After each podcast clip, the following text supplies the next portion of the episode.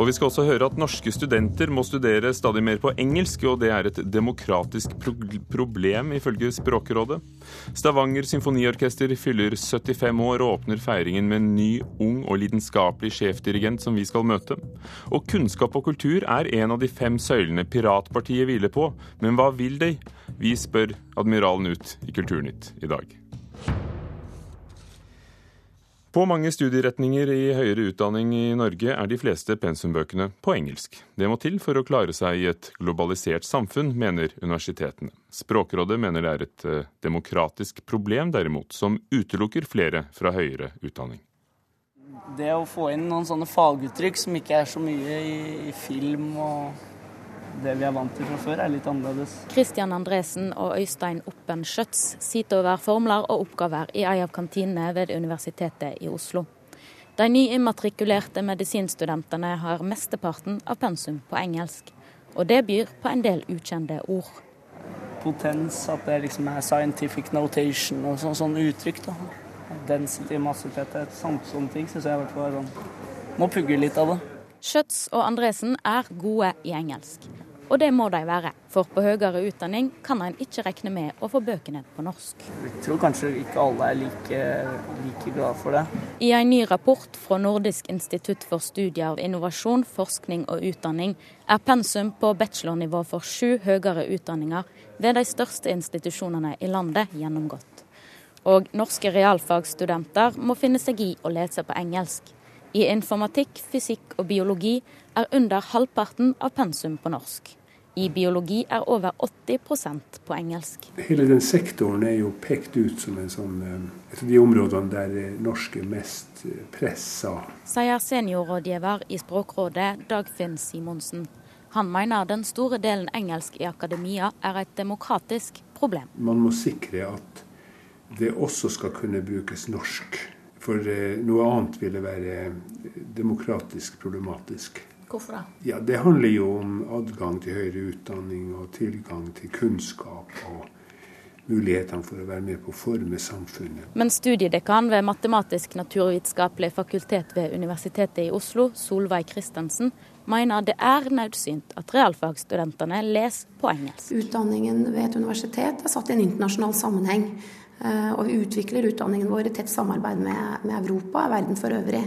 Eh, og da er det helt eh, legitimt at vi bruker internasjonal litteratur i våre studier. Men ville det ikke vært lettere for studentene å sette seg inn i tungt stoff hvis det var på norsk? Ja, det kan du kanskje si, men eh, studentene våre må være i stand til å lese og vurdere faglitteratur på engelsk. Og det er en kunnskap de må ta med seg når de kommer ut i arbeidslivet. Ja, så Det er jo et problem for eh, norske fagspråket. Sier forskeren bak rapporten Vera Schwach. Man kan begynne å mangle ord for, sant, for viktige forhold i samfunnet. Og de som studerer, arbeider jo med viktige ting for oss. Så det er også viktig at man har ord på vårt eget språk, og at de også er en del av en offentlighet hvor dette faktisk skal diskuteres.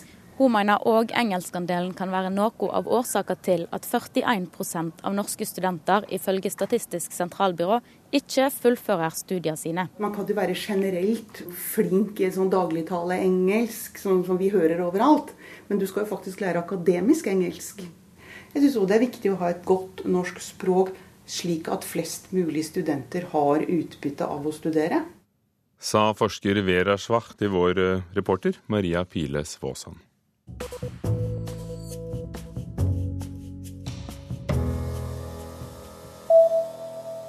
NRK mener det er uproblematisk å samarbeide med journalist Kjetil Stormark om avsløringen av et hemmelig militært etterretningsarkiv, som vi har hørt om i nyhetene i morges.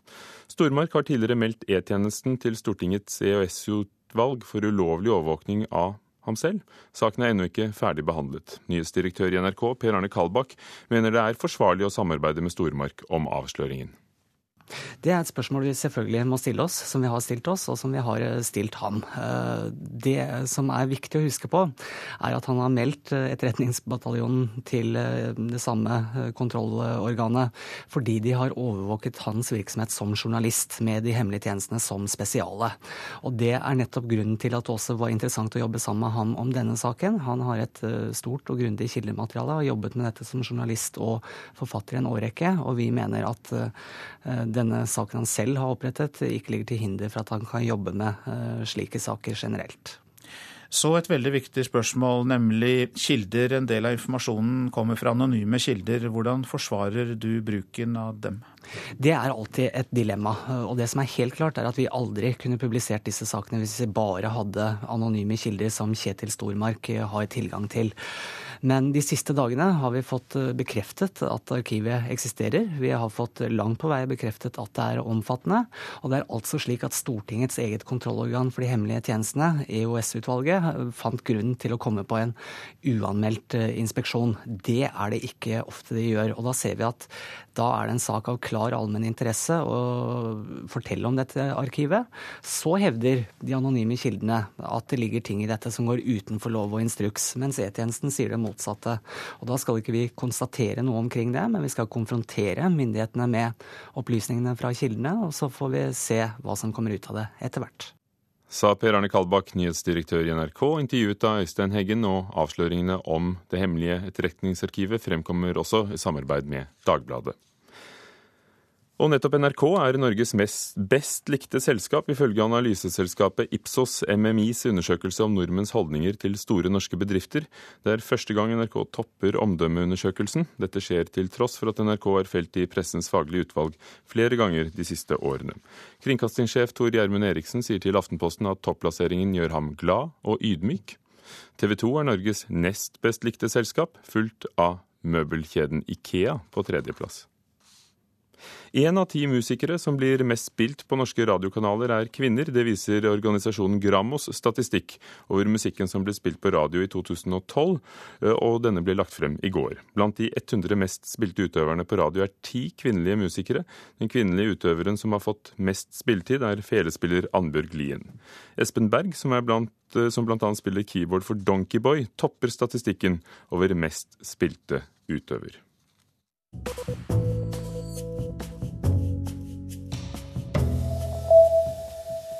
I høst fyller Stavanger symfoniorkester 75 år, og jubileumssesongen åpner med Malers storslåtte symfoni nummer to i kveld. Verket blir også gjennombruddet for orkesterets nye sjefdirigent Christian Vasques fra Venezuela. Og 29-åringen er allerede høyt elsket av musikerne i orkesteret. One, two.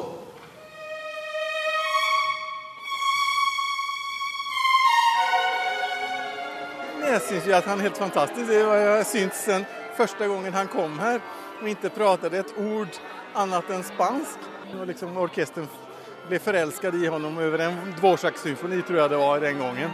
Cellist Anders Moberg har falt pladask for Christian Vasques fra Venezuela. Han overtar nå som Stavanger Symfoniorkesters nye sjefdirigent, bare 29 år gammel. Altså, det fins ingen annen som jeg har opplevd, som kan terpe orkesteren så som han uten at orkestern blir sur. Og han, Hver gang så han har tatt et sted og så blir det ikke lykket, så sier han bare med et smil 'nå'. Og. Det finnes mange andre som prater i hjel saker, og det liker ikke orkesteren.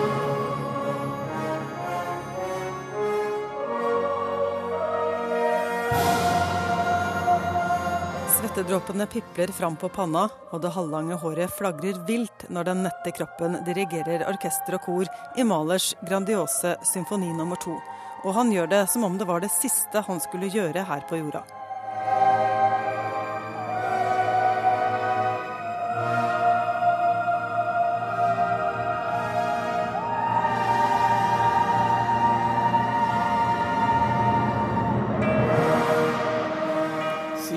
Soy una persona muy apasionada, muy, muy, muy romántico. Eh. Vasquez sier at han er en lidenskapelig og romantisk person som gir alt for kunsten. At han sammen med Stavanger symfoniorkester åpner feiringen av 75-årsjubileet med nettopp Malers andre symfoni, 'Oppstandelsen', er slett ikke tilfeldig.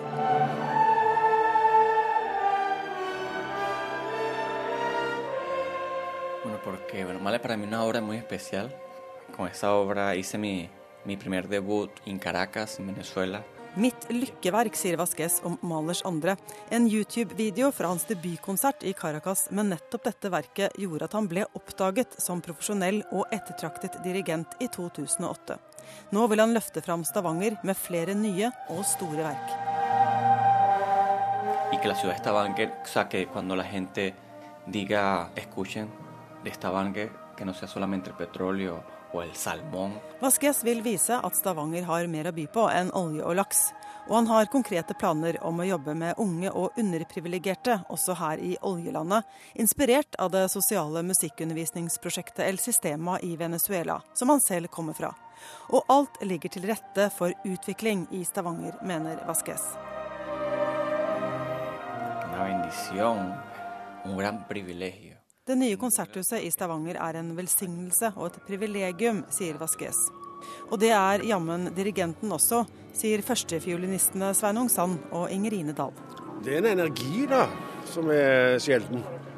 Og så tror jeg at uh, hans alder og, og hva skal vi si, fresh approach kan være med på å dra en del yngre lyttere til salen. Altså Hvis han bruker så mye energi, så kan vi ikke bruke mindre, for å si det sånn.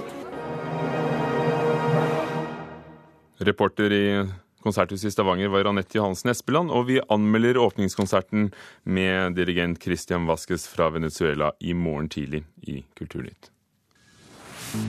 Klokken er passert 16 minutter over åtte. Du hører på Nyhetsmorgen i NRK, som har følgende overskrifter.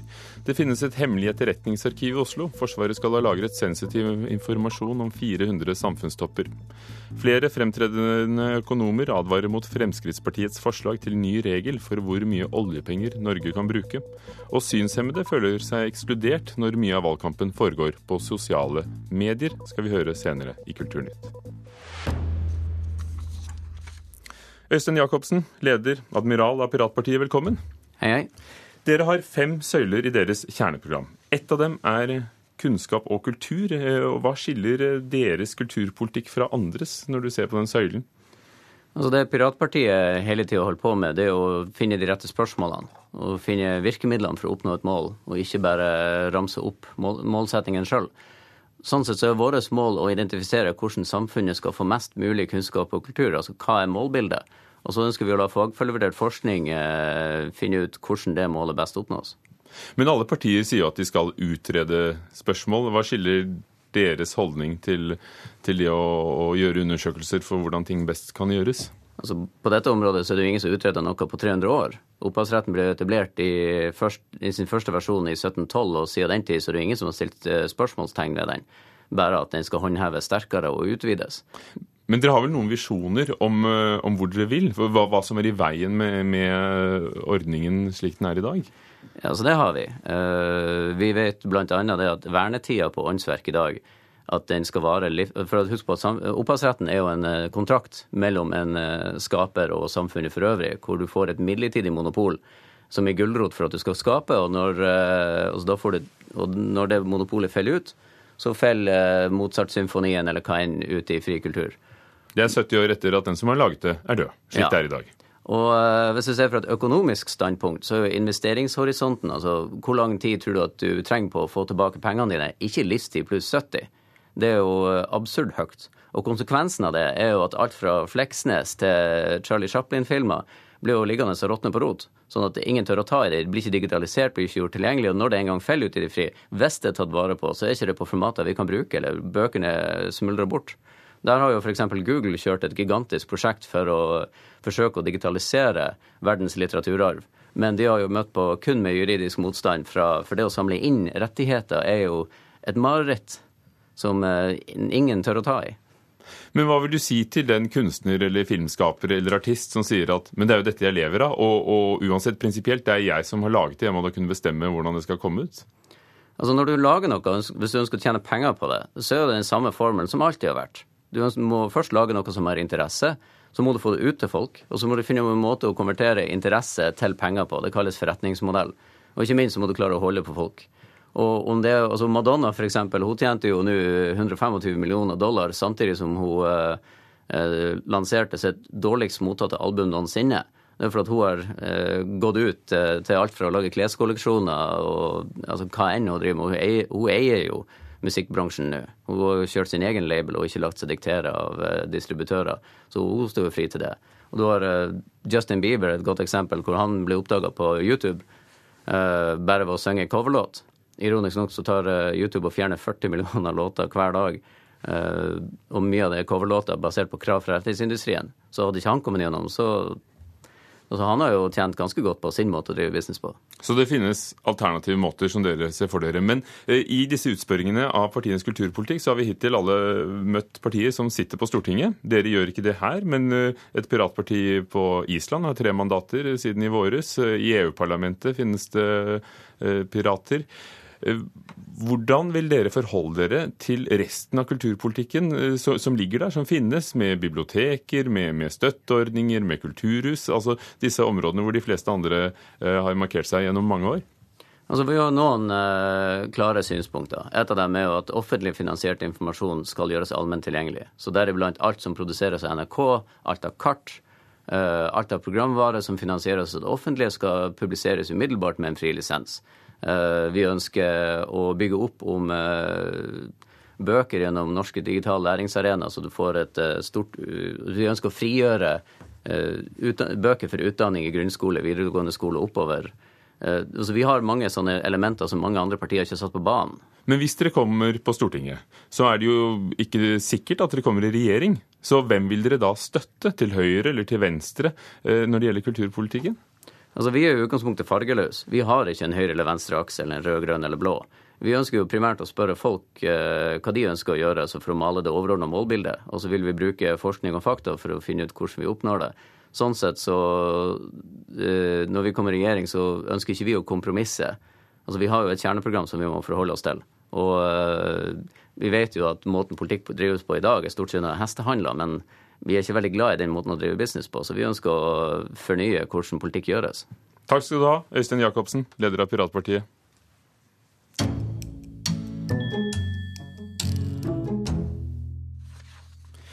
Aldri før har sosiale medier vært eh, så stort sted for politisk debatt som i årets valgkamp. Nettsteder som Facebook og Twitter og flere blogger er blitt en viktig brikke for å skaffe seg politisk makt. Men mange føler seg holdt utenfor. Vi minner om at NRK Valg er jo overalt om dagen, og vi er også på Facebook. Hvis du vil ha full oversikt over det vi driver med, så stikk innom der og lik sida vår. Der kan du også komme med innspill. Når kameraet er slått av og mikrofonene stengte i TV og radio, svinger debatten videre på Facebook, Twitter og på nettet ellers. Til glede for svært mange, men ikke for alle. Når det gjelder Twitter, så er jo det Blindeforbundet i Møre og Romsdal har jo ansvar for Facebook-siden. Vi er på styremøte i Blindeforbundet i Møre og Romsdal. Stortingsvalget er tema, det samme er den omfattende bruken av sosiale medier for å møte politikere, for å hente og dele informasjon i valgkampen, for å debattere politikk. For de 130 000 blinde og svaksynte i landet er det slettes ikke enkelt å henge med i alle svinger. Det erfarer også fylkesleder Tor Tyslum. Dette blir altså faktisk en todelt situasjon. Eh, fordi de unge som eh, har lært data opp igjennom på skolenivå og på studentnivå, de takler dette her helt, helt greit. Dette med Twitter og Facebook, det kom ikke inn før jeg sjøl mista synet.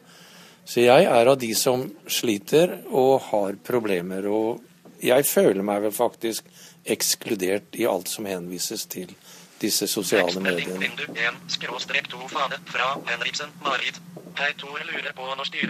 Spesialverktøy tilpassa både mobiltelefon, brett og PC-er har letta hverdagen for svært mange blinde og svaksynte siste åra. Men 70% av medlemmene i Blindeforbundet er over 70 år. Og når mange av disse ikke håndterer sosiale medier, er det også et demokratisk problem i valgkampen, mener fylkeslederen. Det er jo et demokratisk problem så lenge noen tross alt blir holdt utenfor. I styret for Bindeforbundet i Møre og Romsdal sitter også Astrid Moen Thomassen. Hun sier det slik. Du får på en måte ikke uttrykt det der og da, og du trenger ikke å være enig i ting. og Det, og det, det, blir jo spolert da. Du kan ikke delta aktivt. Du blir bare lyttere. Nå er det jo slik da livet er, at det kommer nye generasjoner. Og utviklingen den går jo bare sin gang. Så vi tror jo kanskje om 20 år så er jo ikke dette her noen problemstilling i det hele tatt. Men i mellomtiden så er det nok noen som eh, føler seg tilsidesatt. Det som jeg ser som vår hovedoppgave fremover, vil jo være simpelthen å være vaktbikkje og eh, til enhver tid bidra med den kompetansen som vi måtte inneha for å utvikle både de sosiale mediene, passe på at de blir tilpasset, og også hjelpe våre grupper til å være med i større grad. Vaktbikkje, simpelthen. Og vi skal være veldig flinke til å bjeffe. Sa Kai Korneliussen i styret for Blindeforbundet i Møre og Romsdal til reporter Sissel Brunstad.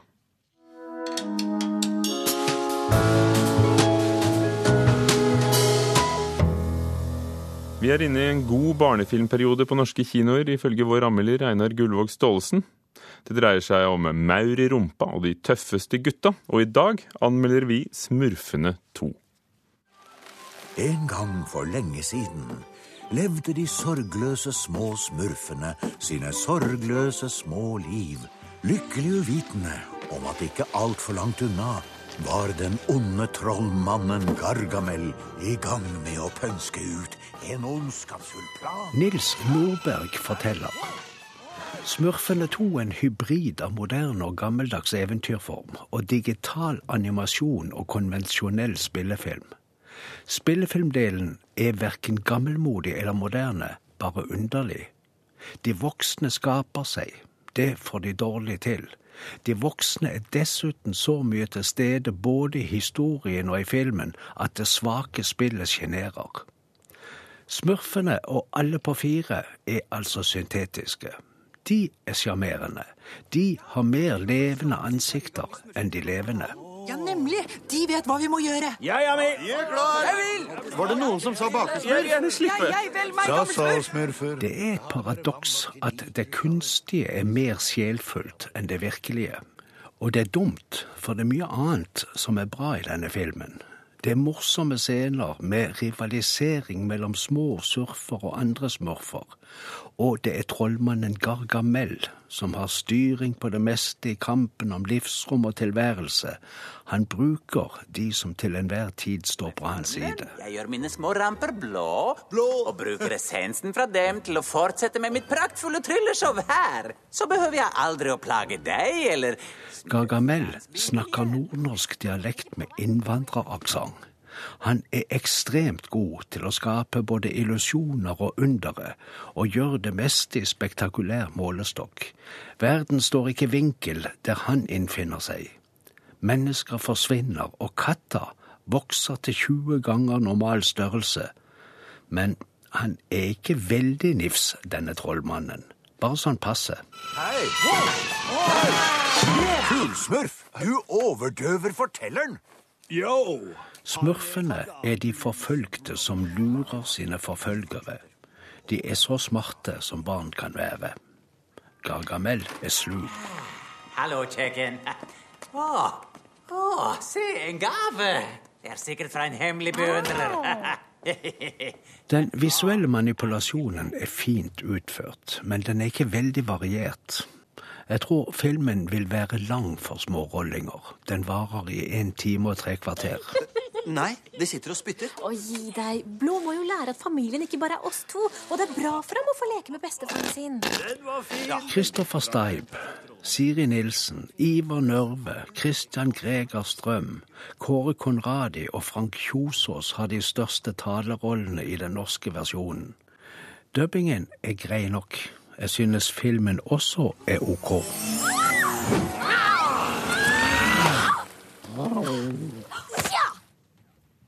Einar Gullvåg Staalesen så Smurfene 2, og han anmelder og omtaler flere filmer og andre barnefilmtema i Mørkets opplevelser i P2 klokken 19 i kveld. I Kulturnytt i dag har vi hørt at Språkrådet mener det blir et demokratisk problem når opptil 60% av pensumbøkene er på engelsk på flere høyere studieretninger. Og i dag bisettes Rolf Wesenlund fra Frogner kirke i Oslo. Blant dem som skal opptre, er Sven Bertil Taube. Det blir mer om bisettelsen i vår sending klokken halv fem i ettermiddag.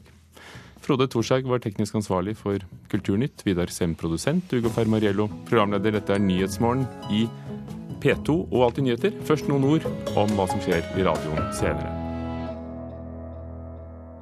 I høst får du en ny stor serie om Bob Dylan på NRK P2. Dylan har utgitt album fra han var 20 til 70, og gjestene våre blir også fra 20 til 70 år. Fra Jonas Alaska til Jan Erik Vold og Åge Aleksandersen. Bli med når forfatter Håvard M inviterer gjester som alle har blitt inspirert av Bob Dylan. Bob Dylan, lørdag klokka 15. I NRK P2.